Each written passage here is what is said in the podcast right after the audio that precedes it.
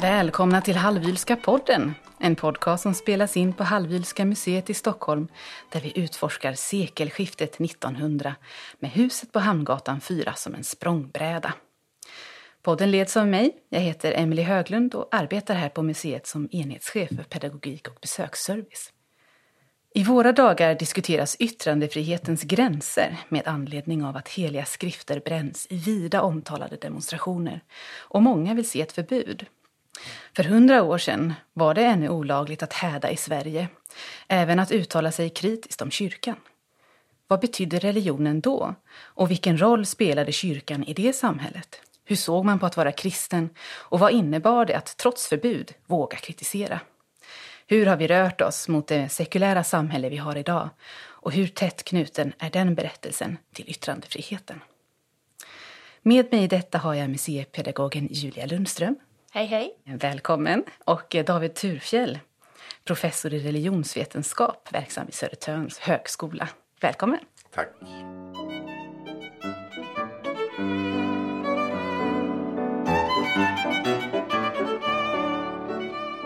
Om vi börjar i det grundläggande kanske. Vad innebar det att kalla sig kristen för hundra år sedan? Vad ingår i paketet så att säga? Alltså för hundra år sedan, om man tänker 1920-talet, då har det ju redan börjat förändras lite. Um, så där har de här olika sätten att se på vad det innebär att tillhöra kristendomen då redan börjat förändras. Men om man, om man får gå lite längre tillbaka då. Så får man ju komma ihåg att Sverige har ju varit då, eller var ju från slutet av 1500-talet, under 1600-talet och 1700-talet och en bra bit in på 1800-talet en sån här enhetskultur där man hade en statskyrko luthersk bekännelse.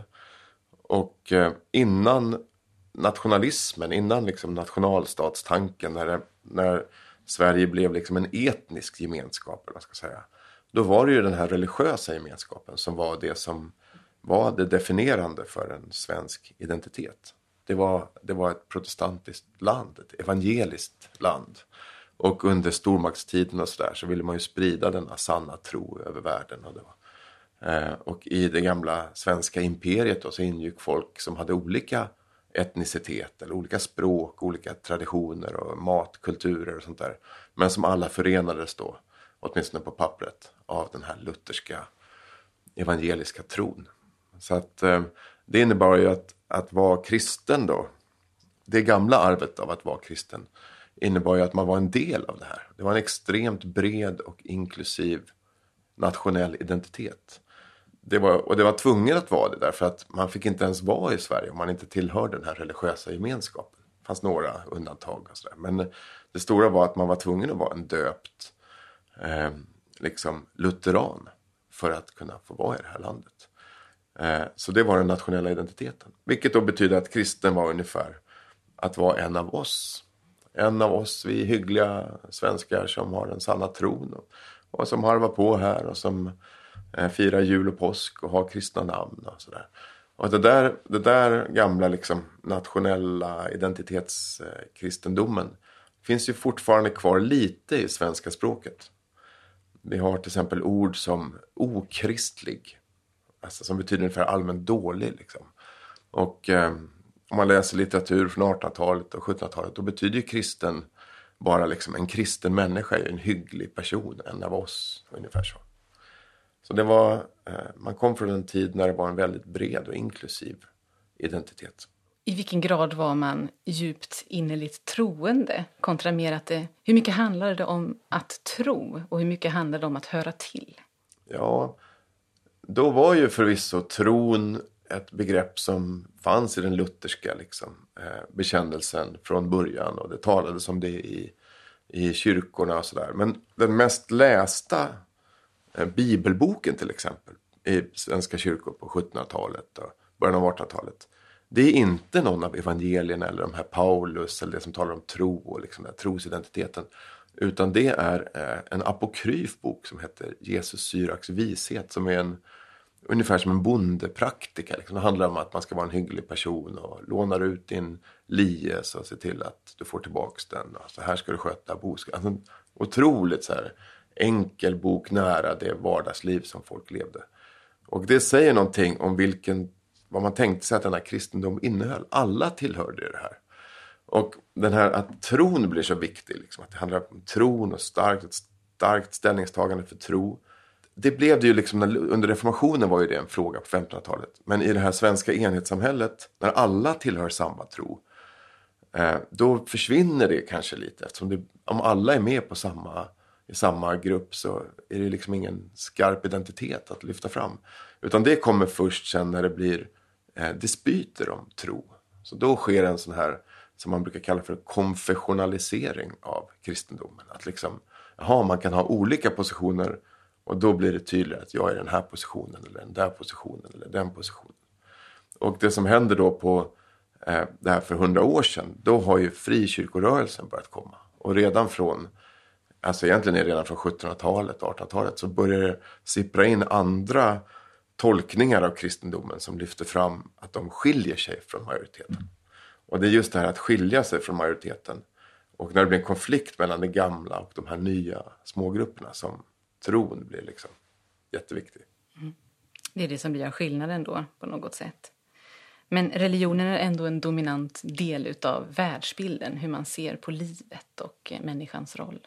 Ja, det är det. Men eh, vi, eh, med risk för att det blir lite komplicerat, vi har ju ett lite anakronistiskt religionsbegrepp. Mm, det får du nog förklara lite mer noggrant för våra Anakronism är ju när man tar någonting från en historisk period och placerar det på, på en annan historisk period.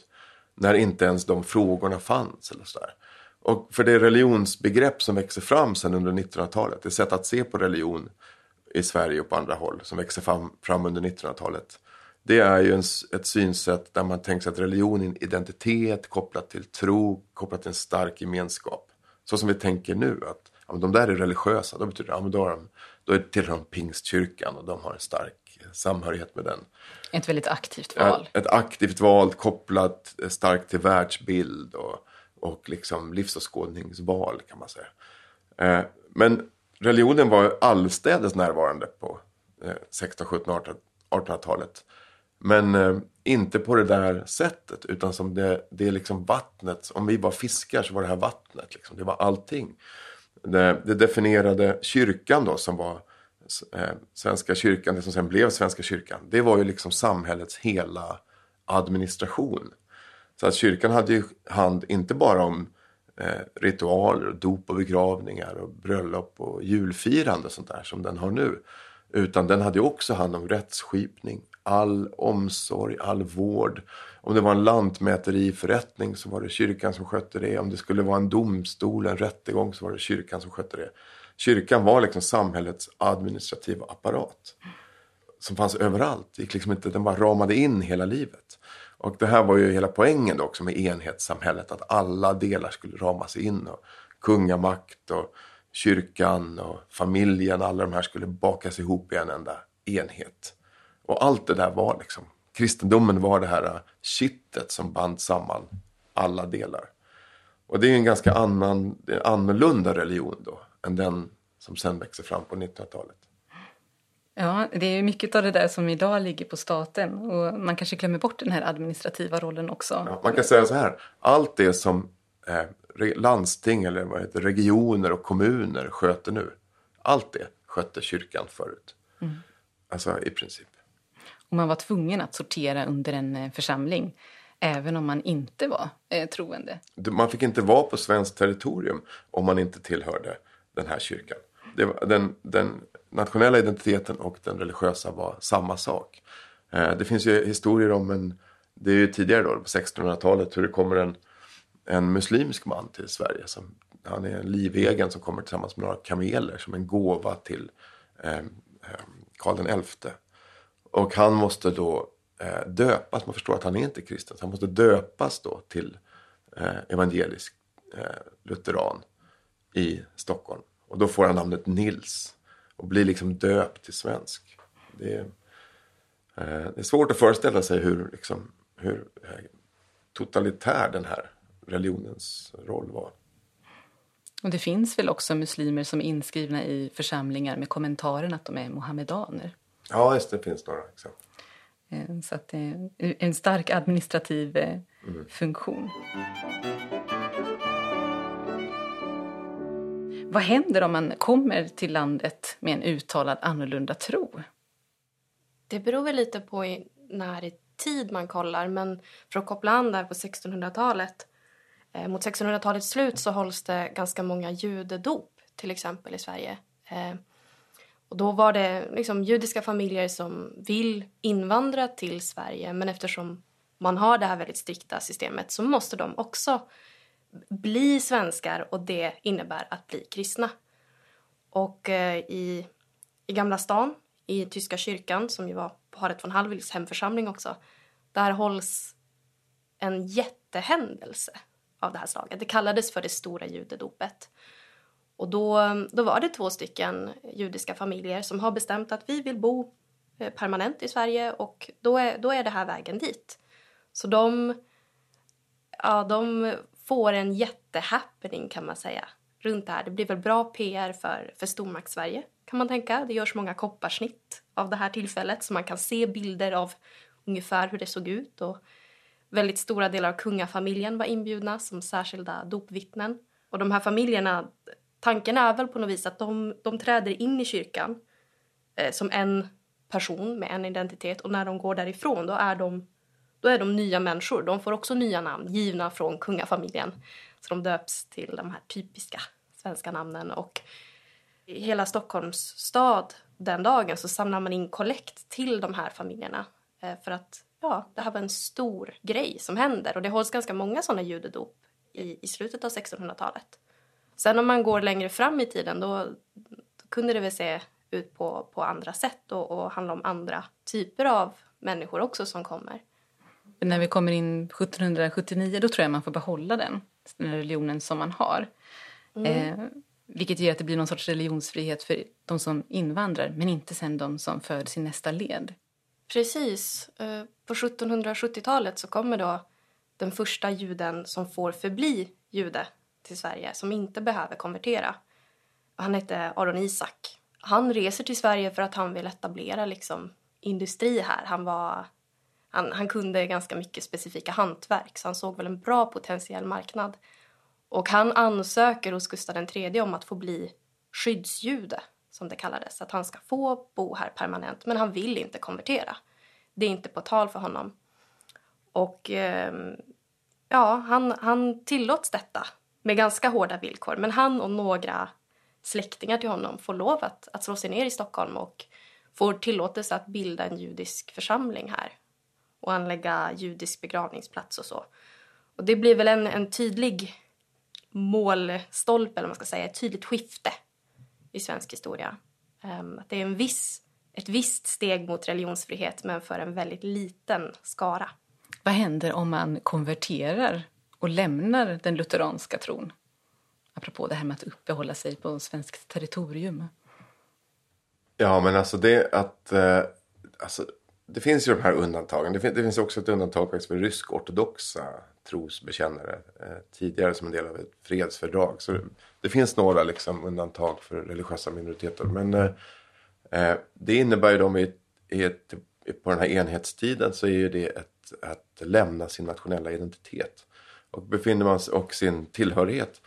Och eh, det är ju då lite att likna vid att eh, desertera i ett krig. Man tänker sig att man är Eh, man har inte valt, som det är nu då, nu har vi inget krig som tur är, men eh, om man är svensk medborgare, jag har inte valt att eh, födas in i den här gemenskapen. Det, är liksom, det har ju bara råkat bli så. Men om det skulle bli ett krig i Sverige och jag skulle vara tvungen att vara soldat och slåss för Sverige och då ska säga men jag vill inte vara med i den här gemenskapen. Då finns inte det alternativet. Man kan liksom inte hoppa av en, en nationell gemenskap. Jag kan inte säga jag vill inte betala skatt, ni behöver inte ge mig något socialbidrag eller någonting. Jag vill bara inte vara med i det här. Det alternativet står inte till buds. Det, det finns inte. Man får då, då får man lämna landet. Um, och eh, det är väl ungefär så som man kan tänka sig att man såg också på den här religiösa gemenskapen. Det var det som var den nationella tillhörigheten. Så den gick inte att lämna på det sättet. Mm. Det finns också exempel på personer som har utvisats just när man byter religion. Mm. Uh, att, ja, om man, låt oss säga tidigt 1800-tal, får för sig att att får för sig, ja men om man, om man väljer att konvertera eh, då, då blir du ju på något sätt eh, utesluten ur gemenskapen och du blir utvisad i princip. Det är inte möjligt att göra på det sättet i den tiden Sverige. Men sen under 1800-talets gång så, så händer ju väldigt mycket.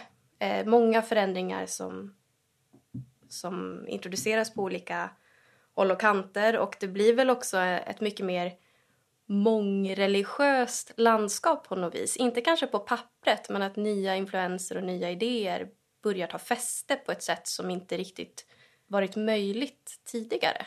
Tänker till exempel på frikyrkorörelsen. Och eh, det sker väl någonting väldigt påtagligt på 1800-talet, kring 1800-talets mitt någon gång där, som ja, börjar skaka om helt enkelt det system som har varit rådande. Mm. Om vi stannar i enhetstiden som du så fint säger en liten stund till. Jag är lite nyfiken på hur mångfalden kunde se ut inom Svenska kyrkan. Fanns det församlingar med olika inriktning till exempel? Som familjen här hörde till tyska kyrkan, skiljer den sig från de andra kyrkliga församlingarna på något sätt? Ja, för att eh, under alltså eh, det är ju Gustav Vasa som börjar projektet att bygga ihop det här territoriella eh, området då, som han eh, liksom är kung över till en och som han också liksom, eh, tar över då stora delar i norra Sverige inte minst. Eh, och eh, bygga ihop den enorma liksom, eh, språkliga och kulturella mångfald som finns inom det här territoriet till en nationell berättelse. Och där ingår förstås också religiös mångfald. Och olika fromhetstraditioner och lokala varianter och folktroföreställningar som är kopplade till de här olika landsändarna. Och så det, det projektet börjar redan på 1500-talet och förstärks sen mer och mer och mer. Alltså fortsätter hela, ända in i vår tid. Det här projektet att bygga ihop en enhet. Och det gäller språkligt och det gäller kulturellt och det gäller när det gäller kläder och, och tidshållning och sådär. Um, så det finns en stor religiös mångfald inom ramen för det lutherska. Och det finns ju fortfarande om vi tittar i Svenska kyrkan så finns det ju olika kyrkligheter, olika beton, teologiska betoningar och olika lokala varianter. Kan man byta församling utifrån eget tycke eller är det strikt administrativt? Där du bor, dit hör du? Ja, det tror jag att eh, eftersom försam alltså det som hände där i mitten av 1800-talet som du var inne på där Julia. Det är ju eh, en, en, del av det, milstolpesförändringen där. Är ju just att kommunindelningen är kopplad till kommunindelning. Därför att fram till 1860 då var, hade man socknar. Och det var liksom det som vi nu kallar kommun och kyrklig församling i en och samma enhet. Eftersom kyrka och stat var helt sammanflätade. Det var samma sak, så hade man en typ av administrativ indelning. Och det var de här socknarna. Och det, det fanns lite olika begrepp. Eh, men på 1860-talet så gör man en uppdelning mellan det som man då kallade för borgerlig och kyrklig kommun. Och det innebar att massa av de här, det är liksom en administrativ reform. Men det får konsekvensen att flera av de funktioner som hade tillhört då kyrkan som var hela administrationen nu hamnar utanför kyrkan rent administrativt. Till exempel rättsskipning och, och, eh, och eh, att bygga sjukhus och den typen av välfärds säga, delar av staten. Eh, och kyrkan kommer att bli mer lik det som den sen fortsätter att vara. Och det där gjorde att innan när man var i kommun då, då fick man ju flytta då när det var samma.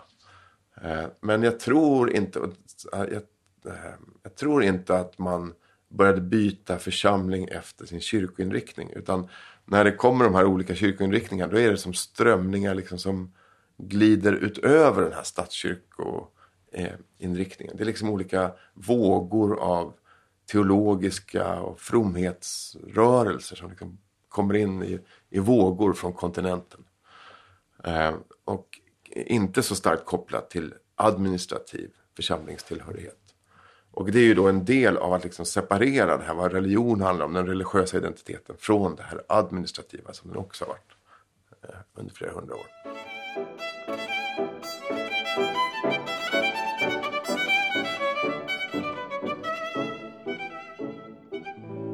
Kunde man bli utesluten ur en församling om man betedde sig riktigt illa eller inte var tillräckligt troende? Ehm, ja, det kunde man ju verkligen eh, bli. Och eh, vi ska väl komma in på det här med hädelselagstiftning och olika hur man kunde göra sig omöjlig. Det fanns ju också något, att man kunde dömas till eh, kyrkplikt. Alltså man var tvungen att stå framme i kyrkan och liksom, varje söndag och liksom, på en sorts skampåles liknande eh, straff då. Kanske stå där och visa att man hade gjort någonting dumt. Eh, och sen så kommer ju alla de här försöken att kväsa grupper som inte vill vara med i det här statskyrkosystemet. Eh, och det tydligaste då är ju det här konventikelplakatet då, som avskaffas först eh, 1857. Vad är det? Ja, då, det var när de här, för, för det här det är ju övergången här från medeltiden till moderna tiden liksom. Och, och, eh, som, som sker. Och redan reformationen är ju någon sorts förändrad, förändrade vindar som blåser i Europa. Och sen kommer ju då eh, olika frihetliga strömningar kan man säga med upplysningen. Och ofta tänker vi på upplysningen som liksom en sekulär kristendomskritisk rörelse och det var det ju också. Men samma strömningar, samma idé om att men nu ska vi läsa och tänka själv och varje individ får tänka. Samma frihetliga liksom, eh, idéer fanns ju också inom ramen för religionerna, inom ramen för kristendomen, både inom katolicism och olika eh, protestantiska inriktningar. Och de här kommer in och liksom får hela det här statskyrko och enhetliga systemet att krackelera. Eh, och eh, en sak som började hända då redan på 1700-talet. Det här har faktiskt kommit, det är från liksom på 1600-talets krig. Så kommer folk hem från kontinenten och soldater. Och då har de med sig olika såna här väckelseidéer och frihetliga tankar från kontinenten. Eh, och det som kommer att kallas för pietism, då, en sorts fromhetskristendom. Där det inte handlar om den här statliga gemenskapen och administrationen utan om att man ska vara man ska vara from och innerlig och känna efter och känna Jesus i sitt hjärta och sådana där grejer. Och det kommer igen på slutet av 1600-talet i små grupper. Men sen på 1700-talet så kommer det vågor av sådana här pietistiska rörelser. Fortsätter på 1800-talet. Och där blir det en tradition där att man samlas, eller en religiös praktik som växer fram, är att man samlas i konventiklar. Alltså några personer sitter tillsammans och, eh, och ber och läser Bibeln och tänker själv. Och, och nu har ju också Lutherdomen har inneburit att Bibeln har kommit på folkspråk så vanliga människor kan ju läsa och tänka och vad står det egentligen och sådär. Och det här, de där konventiklarna utmanar ju då statskyrkans eh, makt helt enkelt. Och därför förbjuder man dem i något som heter konventikelplakatet. Och som då eh, från 1700-talet Eh, och sen som var hela, hela vägen fram till 1857. Så till den här mitten av 1800-talet vändningen då som, som du var inne på Julia. Det innebär alltså att man inte får samlas i ja, hemmet och be? Precis, man får, inte samlas, man får inte samlas och be eller läsa Bibeln utan att det finns en statsanställd präst närvarande som kontrollerar att man ber på rätt sätt.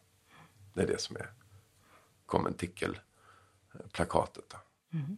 Men sen kommer ju hela frikyrkorörelsen som vi har nosat lite grann på. Vad är det som, eh, vad är det som händer? Det här var ju också en vanlig anledning till att många utvandrade. Att det var så trångt rent religiöst i Sverige.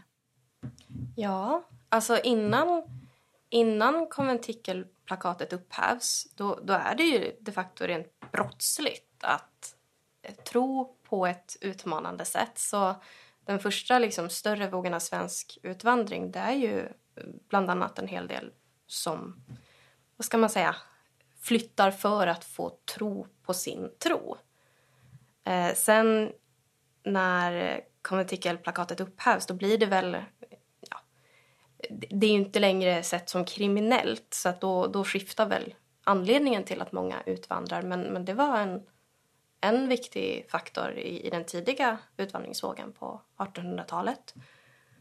Och ja, med, den här, med det nya landskapet så blir det ju liksom, kan jag tänka mig, en, stor förändring liksom i, i vad som ses, vad som upplevs och det är väl ett, ett reellt hot såklart mot den här äh, mäktiga statskyrkan som tidigare har kunnat kontrollera allt och se till att alla får höra samma sak och ska tro på det här korrekta viset. Helt plötsligt så, så är det inte möjligt längre. Mm. Det är en intressant grej där är att det här hänger ju samman med liksom större samhällsförändring. För att eh, de här idéerna om frihet och att individen ska tänka och läsa själv också inom ramen för religionen eh, är ju bara en del av de här förändringsvindarna som blåser in från kontinenten. Och eh, hela industrialiseringen som, som liksom kickar igång där på 1800-talet är ju också en jätteviktig del.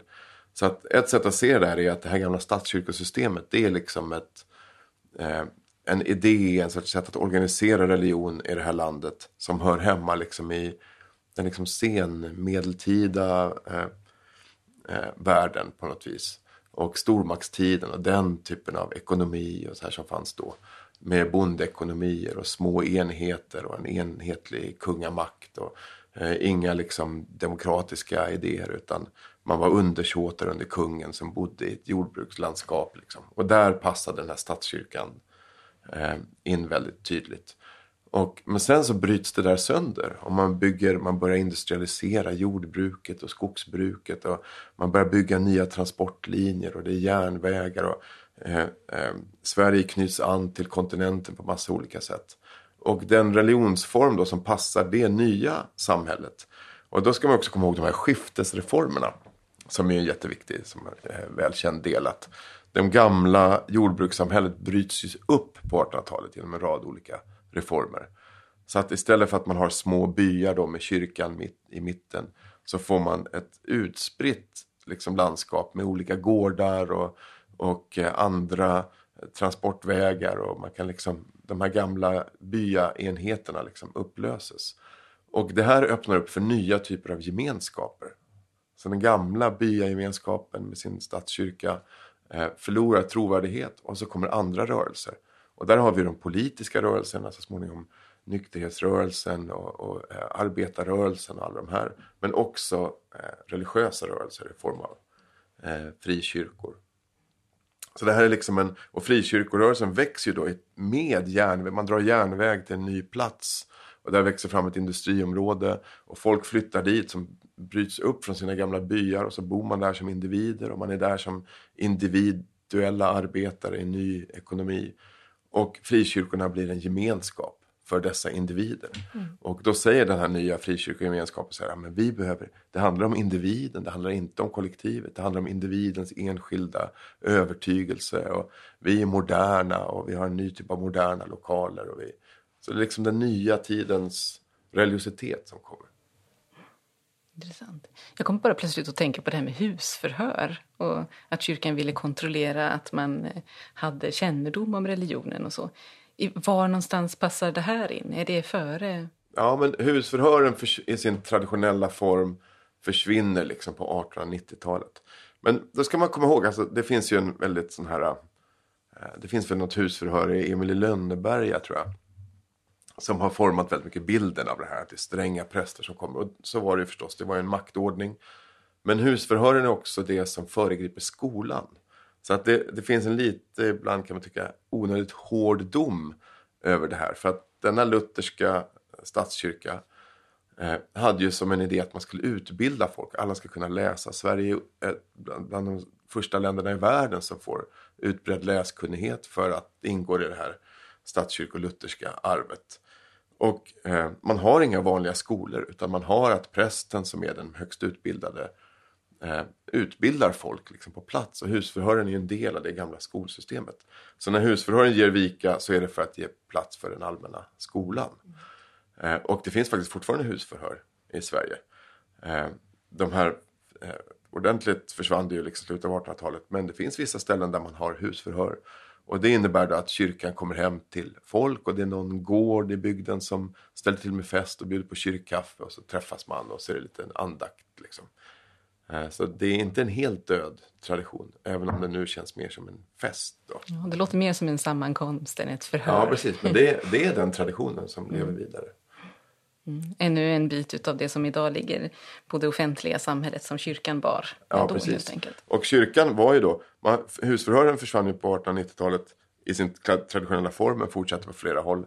Men sen så förlorar kyrkan huvudmannaskapet då, över skolan på 30-talet, 1930-talet.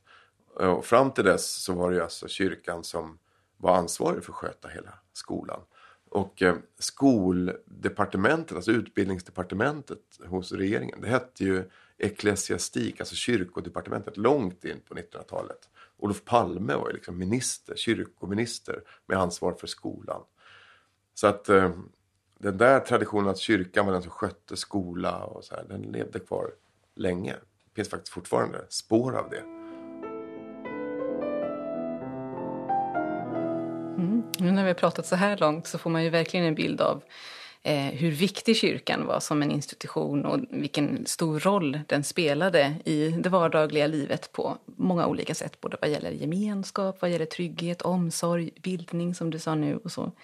Men vad innebär det då rent moraliskt att eh, i det här sammanhanget, i det här samhället kritisera kyrkan? Vad är det man, vad är det man gör? Så att säga? Hur ser man på det här? Ja, för att om man tar det här bryt, det är en brytpunkt då med kyrkan, den gamla statskyrkan och frikyrkorna. Och då ska man komma ihåg, som, som du var inne på Julia, att eh, många som lämnade Sverige på 1800-talet, det var liksom en fjärdedel av befolkningen som lämnade Sverige flyttade till eh, Nordamerika.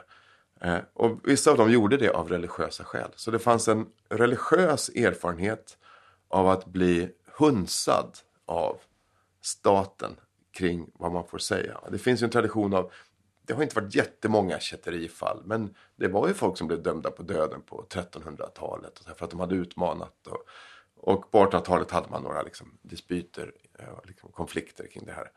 Eh, men det fanns en, en religiös erfarenhet att staten kväser folks religionsfrihet. Så att religiösa aktörer, frikyrkorna då framförallt, har varit drivande i att vilja ha en, en sekulär lagstiftning. Så det här är det paradoxala, att det är de mest religiösa som har drivit på, har varit, inte som enda kraft, men har varit en av krafterna som har drivit på sekulariseringen. Och då ska man komma ihåg ett land som vi tittar på USA då, som ju är sammanflätat med Sverige eftersom en fjärdedel av vår befolkning fortsatte ju sitt, sina liv där och sina släkter i USA. Och eh, i USA har man ju, eh, och de här evangelikala som man har hört talas om ibland, de är ju i princip, det är ju samma religion som fanns här. En svensk luthersk, liksom icke-karismatisk eh, kyrklighet. Det var ju Sveriges religion också. Och i USA så har de fortsatt som en ganska starkt religiös eh, grupp. Men de har samtidigt drivit på en sekulär lagstiftning. USA är ju liksom ett sekulärt land. Och det betyder i det sammanhanget att staten ska inte lägga sig i folks tro. Gör vad ni vill.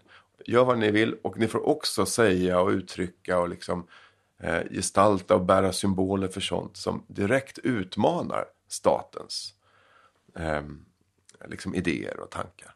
Jag var en gång i, eh, i eh, Washington där och eh, då fanns det vid kongressen där, utanför kongressen skulle jag sitta på Library of Congress. Det är liksom ett forskningsbibliotek som finns bakom kongressen. Eh, och jag var bara där några dagar som gäst, men jag fick ändå liksom så här, sitta där, fick legitimation, fick låna böcker, fick liksom bara välkomnades in i detta fantastiska bibliotek som är ett av världens bästa forskningsbibliotek.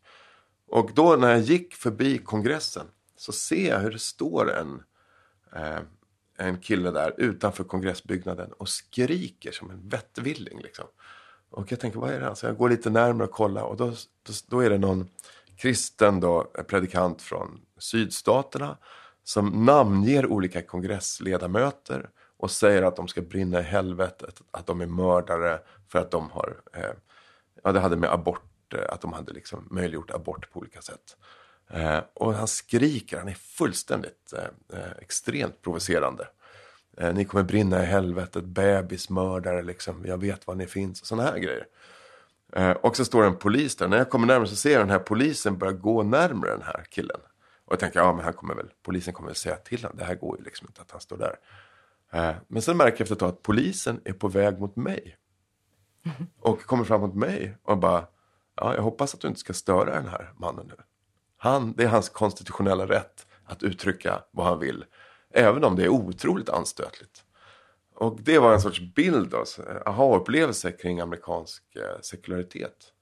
Att eh, det sekulära innebär att staten möjliggör för galna religiö kan man tycka, religiösa grupper att fritt uttrycka eh, sin tro. Och det är en ganska bra bild då, i jämförelse med det Sveriges där man hade det här det religiösa monopolet som fanns i Sverige. Som många av de här hade lämnat. Men också en jämförelsebild med den diskussionen som finns idag. Verkligen. Också, där man är skyddad att säga vad än man vill säga. Ja. Så att säga. Ja. Och det är spännande att man, man vill att det inte ska vara reglerat så att man själv får frihet att tro det man vill. Att man Ja, det är liksom en sorts självbestämmande ja. lite. Och det, man måste hålla flera bollar i luften för att religion i Sverige då var både frikyrkorna och det är ju i sig en väldigt heterogen grupp då.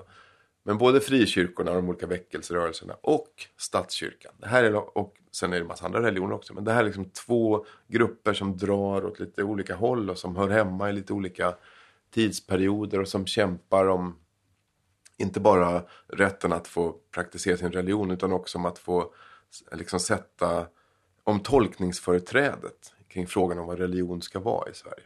Om det är en medkultur eller en motkultur kan man säga. Och under tiden medan de här samexisterar på det här spännande sättet, då är det ju ännu olagligt att häda i Sverige. Eh, var, vad är det egentligen som definierar en hädelse? Kanske vi borde befästa också. Om man kollar liksom i lagparagrafen hur det definieras, vad är ett hädelsebrott? Då står det i, någonting i stil med att, att hädelse innebär att jäcka Gud eller Guds ord eller sakramenten. Att man driver med det. Ja, gör narr av det.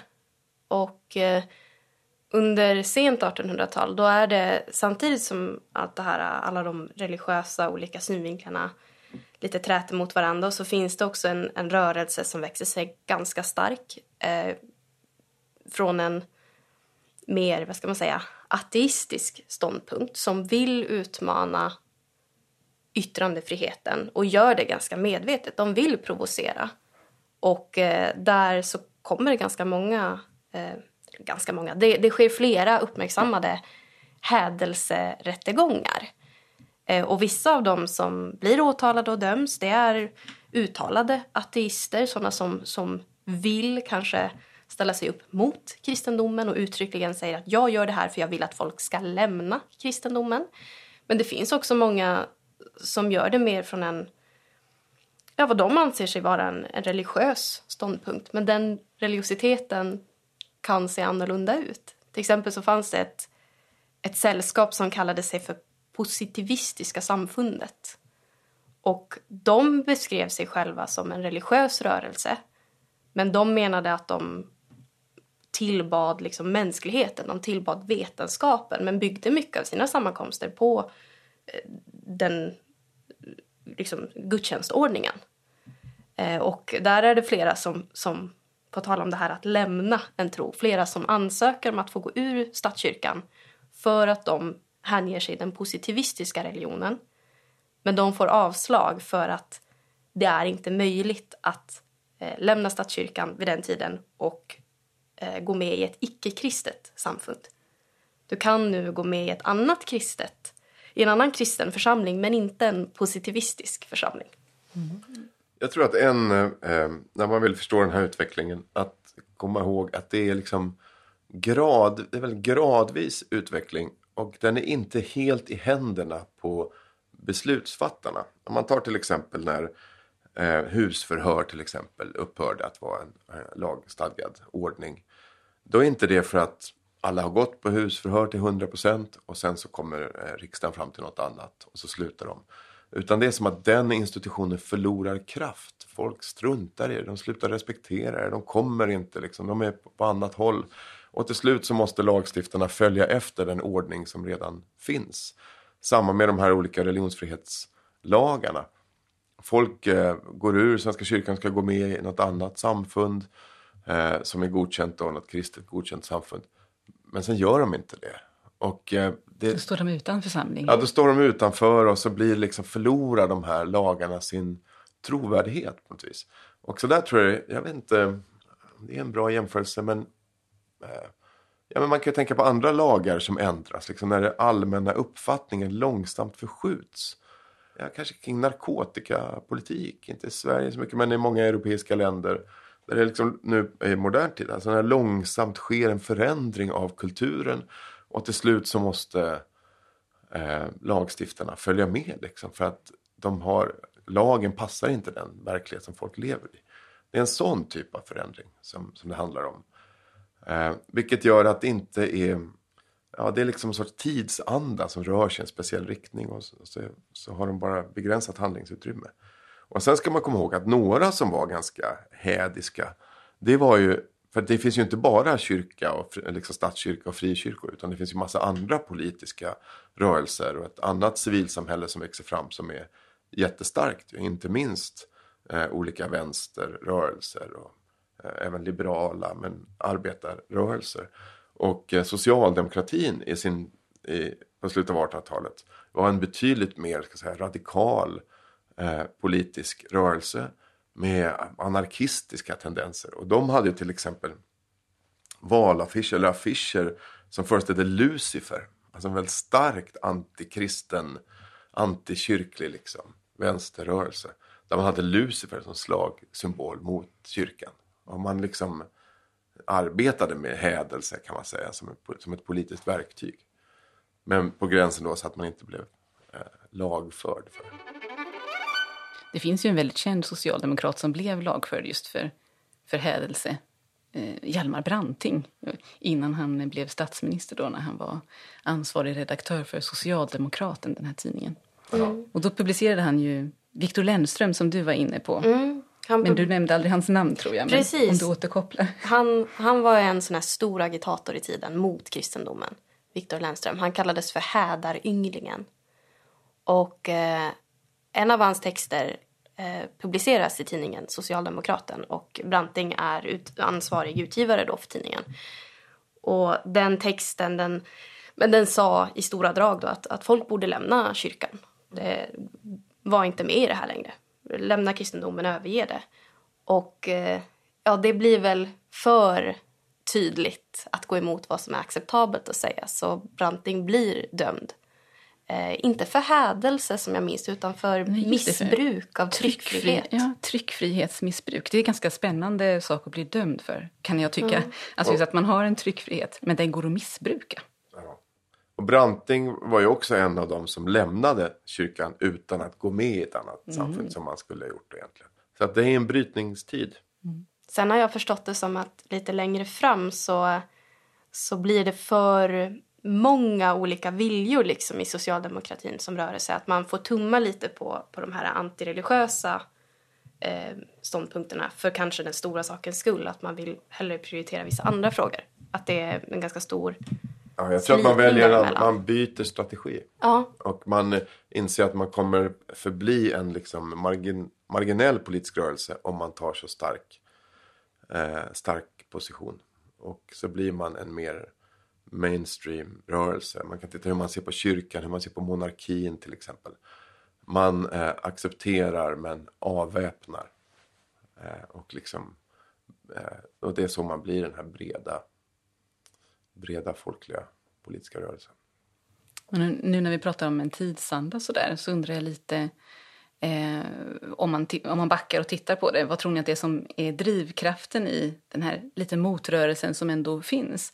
Är det att man är genuint kritisk till kyrkan som institution och man vill bort ifrån den? Eh, eller handlar det mer om att man vill vara fri att tänka eh, utifrån eget bevåg, så att säga, utan att ha den här kontrollen eh, av vad som är det rätta? Jag tror att det handlar om ett, det är ett förändrat samhälle. När de gamla ordningarna har brutit sönder och man lever i en social verklighet där man är en individ som tänker själv i en ekonomi som är allt mer individualiserad och industrialiserad. Och där känns, får man syn på de här hierarkierna som har um, definierat ens liv tidigare, eller det tidigare samhällets liv och man känner inte igen sig i dem längre.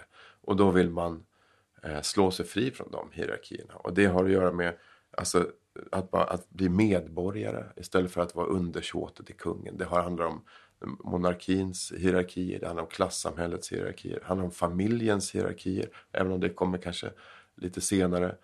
Eh, och det handlar om kyrkans hierarkier. Och kyrkan blir då en, och det var ju också explicit så i den gamla hustavlan då, som var den här eh, texten i Luthers katekes som definierade maktordningarna. Att kyrkan var en av de starka maktordningar som man behövde omkullkasta då, som man, som man såg det. Och sen, så det är en del av ett upplysningsarv då, en, en, ett upplysningsarv som liksom förverkligas i den politiska vardagen hos människor. Tror ni att det betyder att man blir mindre religiös? Mindre troende? Eller är det mer ett rörelseutrymme som man vill ha? Här kommer vi då igen till det här anakronistiska mm. religionsbegreppet. För att religiös... Det, det, religiösa, för en annan del då av, om man ska ta lite så här idéhistoriskt, av den här utvecklingen, den här moderniseringsprocessen, är ju det som man ibland kallar för differentiering. Alltså vad är det som kännetecknar det moderna samhället jämfört med det förra? Det gamla bondesamhället. Och då kan man säga att i bondesamhället så hängde allt ihop. Alltså årstidernas växlingar, landskapet, familjen, ekonomin, en tryggad försörjning, kyrka, kungamakt. Allt var liksom hopbakat då, liksom i det här enhetssystemet. Det var åtminstone ambitionen. Sen fanns det förstås massa undantag, men det fanns en sån drivkraft. Och det som är modernisering då är att kallas ibland för eh, det här differentierat. Att allt det här som hängde ihop differentieras, plockas isär i olika delar. Eh, ett klassiskt exempel är hur eh, familjebildning och ekonomi separeras. Om man gifte sig på 1600-talet då var det kopplat till ens försörjning, en tryggad ålderdom, möjligheten till sex och barn och allting. Efter moderniseringen så är alla de här sakerna var och en för sig. Ekonomin är en sak, vad man tror på är en sak, om man ens familjeliv är en sak. Eh, relationen till föräldrarna, en tryggad ålderdom, det liksom packas isär på något vis. Och så får vi ett samhälle som är, där alla delarna är uppdelade. Och det här gäller också för religionen. Religionen blir en del. Det är någonting man kan gå till, det som har att göra med ritualer och tro. Det sköter man i kyrkan. Sen har vi politiken, det är en annan del. Sen har vi ekonomin. Sen har vi mitt privatliv. Sen har vi med jordbruket. Sen har vi liksom årstidernas växlingar och uppvärmning av huset. Och alla de här är olika delar. Men tidigare var de samma del. Och då är frågan, blir man mer religiös? Ja, då, då är det frågan vad vi menar. Menar vi den gamla religionen som ett shit för alltihop? Alltså kittet som höll samman alla delar. Eller vi menar den nya religionen som är en specifik enhet, som har, en del som har att göra med tro. Och om vi menar den nya religionen, den här specifika, ja men då kan vi säga att då var man inte särskilt religiös på 1600-talet alls. För det fanns ju inte då. Mm. Eh, men det känns ju konstigt. Så att det, man måste liksom hålla de där man måste samtidigt som man talar om den här jämför olika tidsperioder måste man förstå att själva eh, begreppens betydelse förändras. Och om man då menar tro då, som många idag menar, alltså man säger religion menar man att man tror på Gud. Eh, då, är det klart, eh, då är det klart att den här utvecklingen sammanfaller också med genombrottet för en, jag ska säga, en upplysningens, en mer naturvetenskapligt orienterad verklighetsförståelse. Alltså en mer inomvärldslig förståelse. Och eh, eh, man talar ibland om att den moderna tiden är som en inomvärldslig frälsningslära. Alltså att förr i tiden så tänkte man sig, man lever det här enhetliga livet och sen så får man sin upprättelse när man har dött. Det är då man fullbordas på andra sidan. Och sen att tron på det, ett liv efter döden, liksom förlorar i kraft också. Och man tänker att vi måste bygga paradiset, inte på andra sidan döden utan i den här världen. Så att om det är det man menar med mer eller mindre religiöst, då tror jag att man blir definitivt mindre religiös. Men det är komplicerat. Det är väldigt komplicerat. Jag påminner lite igen om den här hädaryngling Viktor Lennstrand som jag också tyckte att... Eller det han sa var väl att Gud var ett människopåfund, men att om man förväntar sig någonting av Gud då måste människan själv ta ansvar för det och skapa det nu. Och mm. inte vänta Precis. på att det ska... Jag har med mig ett litet utdrag från ett, ett föredrag han höll på det temat, om jag får läsa lite. Ja, absolut. Han, den här Viktor Lennstrand, han blev alltså dömd till hädelse sent 1800-tal. Och han hade blivit stor ganska snabbt. Han, han växte upp i en ganska religiös familj och sen när han var student i Uppsala så, så blev han liksom hängiven ateist, beskrev han det själv. Och börjar skriva massa pamfletter och, och reser runt eh, i, i landet och håller tal. Och ett föredrag han håller hade han döpt till Gud. Och det handlar om gudsbegreppet.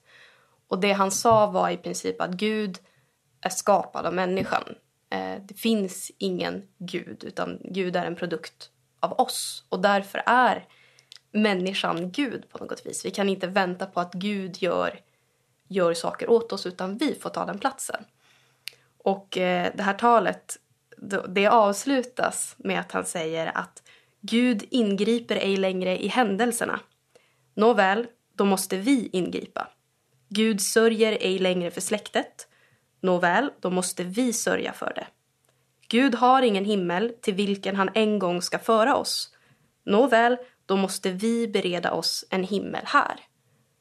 Och eh, Lennstrand grundar också ett sällskap som han döpte till Utilistiska samfundet.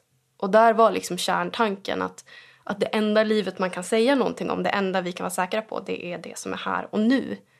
Och han, han ville väl uppmana folk till att det, det tjänar inget till att drömma om något eventuellt liv efter detta utan vi får förändra här och nu och liksom ta Guds plats i världen. Och här, han står ju i en tradition eh, av liksom eh, eh av en, en tradition inom upplysningsarvet. Då. Om vi tar Kant, Immanuel Kant, liksom, den kända upplysningsfilosofen. Han definierar ju upplysning som att människan kastar av sig sitt ok av självpåtagen omyndighet. Alltså vi, har, vi har gjort oss själva omyndiga genom att hitta på Gud och olika hierarkier som vi måste lyda. Men nu måste vi inse att vi är myndiga, liksom, för bemyndigande av människan. Och sen så finns det ju Feuerbach som är en som var väldigt influerande för Marx, Karl Marx och som har precis den där eh, religionskritiken att eh, eh människan har uppfunnit Gud och vi måste nu ta axla ansvaret och själva eh, eh, göra allt det där som vi har trott att Gud ska göra för oss. Att det är, vi, det är inte Gud som är en kreativ skapare utan det är människan som är kreativ. Och all, all, vi liksom projicerar vår egen kreativitet och vår egen frihetslängtan och vår egen eh, förmåga att bygga ett samhälle på denna Gud. Då. Så han, eh, Lennstrand är ju väldigt mycket i linje med en sån marxistisk eh, upplysningskritik av religion. Men det här är ett av de föredragen som han döms för. Ja. Sen. Och det är också spännande just det här att, att att kritisera på det här sättet väcker ju uppmärksamhet. Och eh, när han har blivit dömd då, då trycker man det här talet som det, eh, det åtalade föredraget. Att det blir liksom en säljgrej i sig. Att det här är det som väckte, väckte så mycket anstöt. Vilket år var det? 1889. Mm. Det, på blir det, där, det finns ingen dålig PR. Den spreds. Eh, ja, det, här, det är ju otroligt, eh, knyter ju an till liksom Eh, för man ska komma ihåg att sen har vi 1905 och småningom 1917 så har man ju revolutioner i Ryssland. Vi har inbördeskrig i Finland. Det här är ju liksom skarpt läge då. När eh, olika former av eh, socialism och eh, eh tar, liksom utmanar de gamla, gamla hierarkierna och tsarväldet och de gamla aristokratierna och sådär. Eh, och det där kommer ju att färga, bli de krig som sen färgar hela 1900-talet. Så det här är ju en symbolfråga kan man säga mellan liksom vänstern och eh, eh, högern. Eh, och det var ju förödande konflikter. Det är ju liksom andra världskriget. Ja, det var en turbulent tid och mycket stod på spel. Ja. Det har jag tror jag varit inne på förut här i podden när vi har pratat om arbetarrörelsen och eh, ja. dess svallvågor. Men vid den här tiden det fanns ju ändå tryckfrihet. Men den hade någon form av begränsning man, eftersom Branting blev dömd. Vad, vad är det som inte får tryckas? Det vet inte jag exakt. och ibland när man läser såna här rättegångsprotokoll så verkar det inte vara självklart även för människorna i den tiden. En hel del såna åtal blir ju inte resulterade i domar utan man friar. Men eh, ja, det som, det som anses vara för skarp kritik kan man väl säga. Att, att det finns ju jättemånga exempel på, på sådana som medvetet balanserat på gränsen. Att det här vet jag kan leda till åtal, men det är värt att säga ändå. Sen i den bästa världar så håller man väl sig på rätt sida om gränsen så det inte blir en process. Men ja, att, att det som väcker för mycket anstöt, det som är för skarp kritik mot auktoriteten. Men var det så kanske att tryckfrihet, man kunde liksom dömas för tryckfrihetsbrott för att ha sagt, alltså det som vi skulle tänka är att man bara använder sin tryckfrihet. Så att tryckfrihet verkade ha varit lite som frihet under ansvar. Att liksom gå för långt eh, i sin eh, yttrandefrihet eller tryckfrihet eh, såg som ett brott mot tryckfriheten. Du har inte agerat ansvarsfullt och du fick de här rättigheterna men du var tvungen att göra det på ett ansvarsfullt sätt. Nu gick du för långt. Då bröt du mot din tryckfrihet. Så det är som, den ramar in ett... ett ja, men det verkar ju lite så just efter tryckfrihetsmissbruk. Ja, precis. Det, Ja. det var det han blev dömd för. Är det bara yttranden eller kunde man också häda i handling? Vet vi det? Ehm, en, en viktig liksom eh, så här eh, förskjutning av hädandet. Det är ju vem som är, eh, jag vet inte om ni helt svarar på den här frågan om, om yttrande och handling. Men det, det är vad som är, vad är det som lagstiftningen skyddar? Är det liksom, är det Gud själv då? Och som du nämnde där Julia så var det ju, alltså det som skyddades var ju sakramenten och Guds namn och alltså det är de här trosobjekten som skyddas först.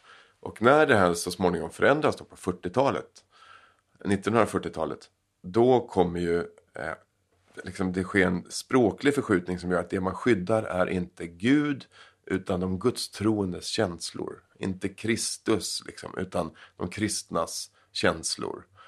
Så att eh, det är en sorts, man, man flyttar ner till med fokus på människorna.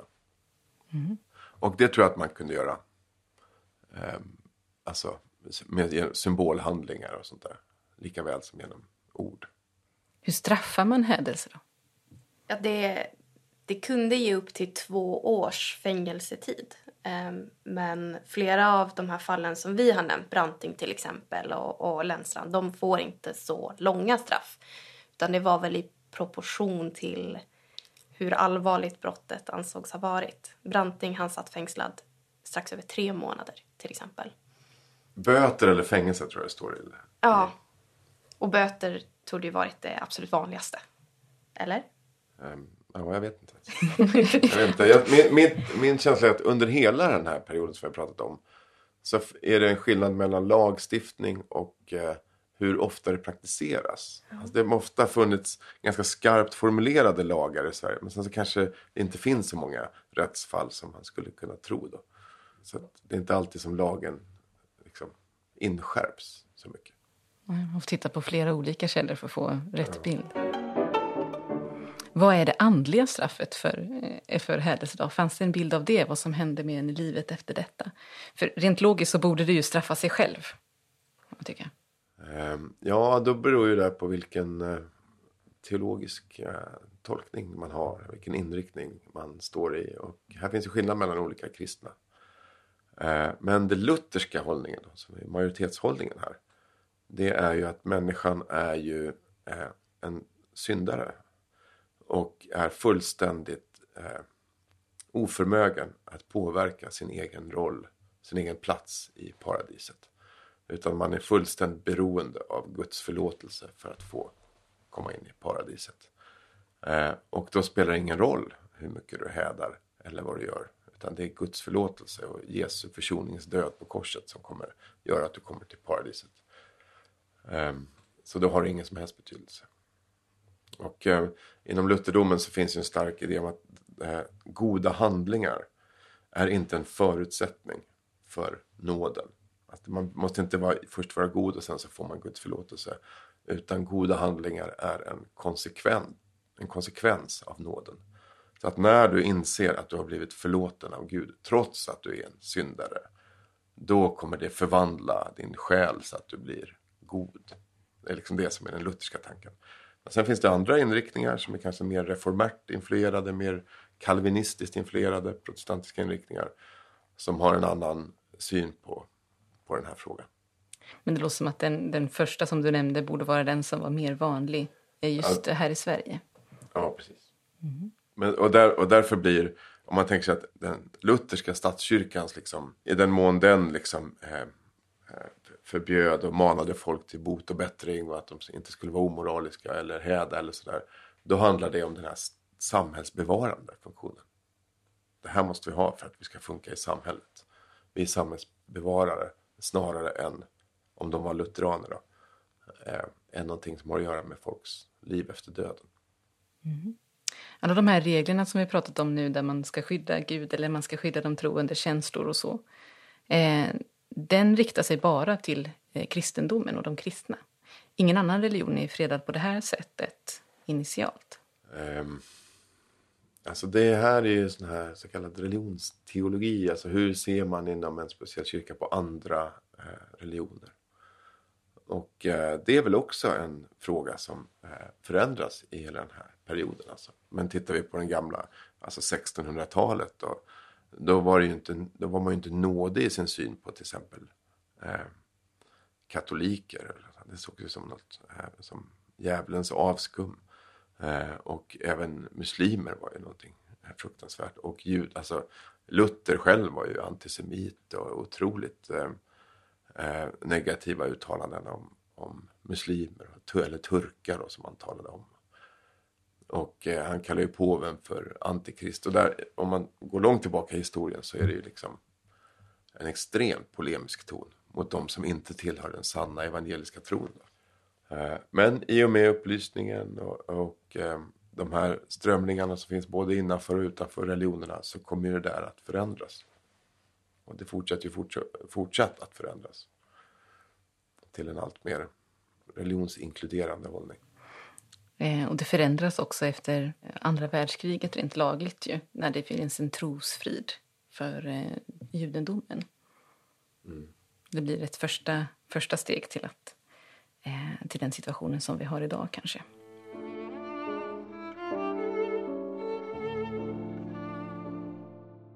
Om man tittar på de här åtalen, hur försvarar man sig? Eh, när man anklagas för hädelse. Nu fiskar jag efter ett särskilt som du kanske anar, Julia. ja. Eh, där vår kände författare August Strindberg ju blev åtalad för ja. Eh, något han skrev i en novell, Dygdens lön, publicerat i Giftas. Precis. Det här var väl en av tidens allra mest uppmärksammade hädelseåtal. Strindberg eh, släppte 1884 novellsamlingen Giftas skrev han, den skrev han väldigt, väldigt snabbt. Jag läste att de tolv novellerna de produceras under drygt en månads tid. Och eh, han var vid den tiden utgiven på Albert Bonniers förlag. Och det, det är väl det som bland annat möjliggör att han kan släppa eh, de här novellerna. Han tyckte att Bonnier var väldigt järv. Han censurerar inte skarpa formuleringar och sådär. Och eh, när man tittar i brevväxling mellan Strindberg och Bonnier då då skriver de båda, båda är införstådda att det här kan nog leda till, till rättegång. Men de tror att det som kommer väcka anstöd är att det anses osedligt. De här novellerna handlar mycket om äktenskapet och mannen och kvinnans roller. Men när den här eh, novellsamlingen går i tryck, den blir fruktansvärt populär, eh, då är det inte sedlighetsåtal som väcks utan eh, man anser att det här är hädelse. Och då är det just den inledande novellen, Dygdens lön, som man menar bryter mot det här att jäcka Guds, Gud och Guds sakrament. Vad är det han skriver rent eh, explicit? Ja, det, det, den här novellen den handlar liksom om en, om en man som reflekterar mycket om, man får följa liksom hans liv och sådär. Och det som ansågs gå över gränsen. Det var en skildring av hans konfirmation, den här huvudpersonen. Då står det så här. Så blev han konfirmerad på våren. Det uppskakande uppträdet då överklassen tog ed av underklassen på Kristi lekamen och ord att den senare aldrig skulle befatta sig med vad den förra gjorde satt länge i honom. Det oförskämda bedrägeriet som spelades med Högstedts Picadon a 65 öre kannan och Lättströms majsoblater a en krona skålpundet, vilka av prästen utgåvos för att vara den för över 1800 år sedan avrättade folkuppviglaren Jesus av Nasarets kött och blod, föll icke under hans reflektion. Ty man reflekterade inte den tiden, utan man fick stämningar. Och eh, om jag förstår åtalet rätt så menar man att det här är då att häda Dels för att han kallar Jesus för en uppviglare. Men också för att han säger att det här nattvardsvinet och oblaten, det är ju bara ja, billigt, billigt rödvin och billig majsoblat. Men han försvarar sig med att han inte alls driver med kyrkan utan han menar allvar. Ja, den här äh, processen den är ganska spännande att läsa om. För, för Strindberg bodde utomlands vid tiden. Han bodde i Schweiz. Och um, när det då väcks åtal blir det en väldigt jobbig situation för förläggaren. Därför att om Strindberg vägrar resa till Sverige då finns det risk att Albert Bonnier blir åtalad i Strindbergs ställe. Och det vill ju inte han såklart. Så han, han skickar sin son Karl Otto Bonnier att, att åka och hämta hem Strindberg. Och han lyckas övertala honom. De åker tillbaka och det verkar vara ganska jobbigt för Strindberg under, under resan. Han är ganska ångestfylld och, och orolig. Sen så ser han ång, ångfartyget de ska åka tillbaka med från, från Tyskland till Malmö och det heter August Victoria. Och då blir han så här, åh, ett segertecken! Oh! och när rättegången hålls då, då har Strindberg skrivit ett försvar som ju finns bevarat. Och då säger han att jag har inte hädat. Eh, därför att jag, jag jäckar inte sakramenten utan jag menar bokstavligen att det är rött vin och billig majsoblat. Det här är upplysning, det är inte att göra narr av saken. Och han menar också att att beskriva Jesus som en, en uppviglare, det, det står ju i Bibeln. Det är baserat på Matteus evangeliet, så det är inte heller liksom brottsligt. Och han blir ju också friad. Det tog fyra timmar för juryn att, att överlägga och då blir det en friande dom. Så han möts av en jublande folkskara och, och går till Grand Hotel sen. Mm, det är spännande. Mm. Är det ett vanligt sätt att försvara sig, tror du?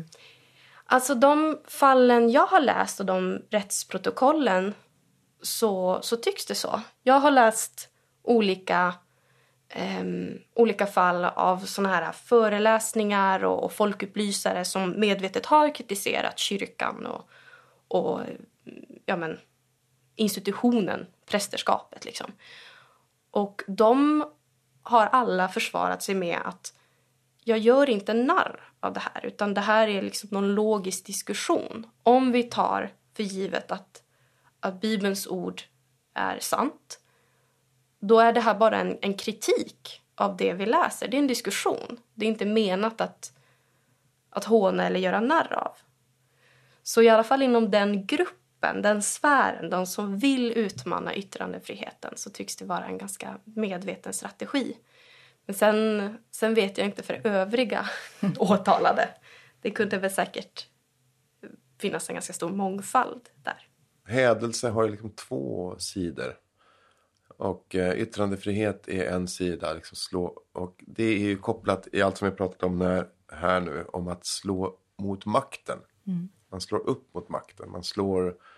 Man liksom eh, skändar maktens symboler. Man bränner flaggor. Och, och eh, går emot statskyrkans liksom, maktmonopol. Eh, men sen finns det också hädelse som slår neråt. Alltså när man...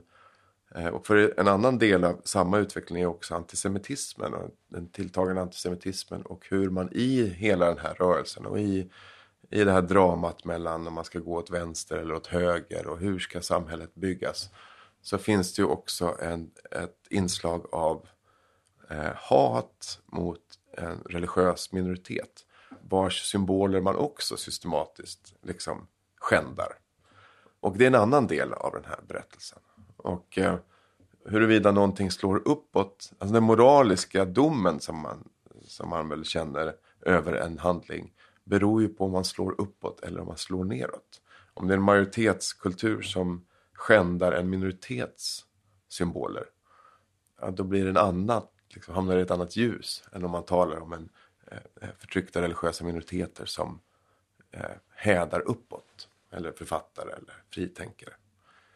Så att eh, det finns två sidor av den här historien. Och jag tycker vi, att vi i det här samtalet har berört den ena sidan. Och den är väldigt viktig. Men det finns också en annan. Mm, absolut. Vi får runda av där. Det får bli eh, slutorden, kloka slutord eh, för det här avsnittet. Tack så mycket för att ni kom hit och diskuterade det här. Tack David. Tack. Tack Julia. Och tack alla ni som har lyssnat till oss.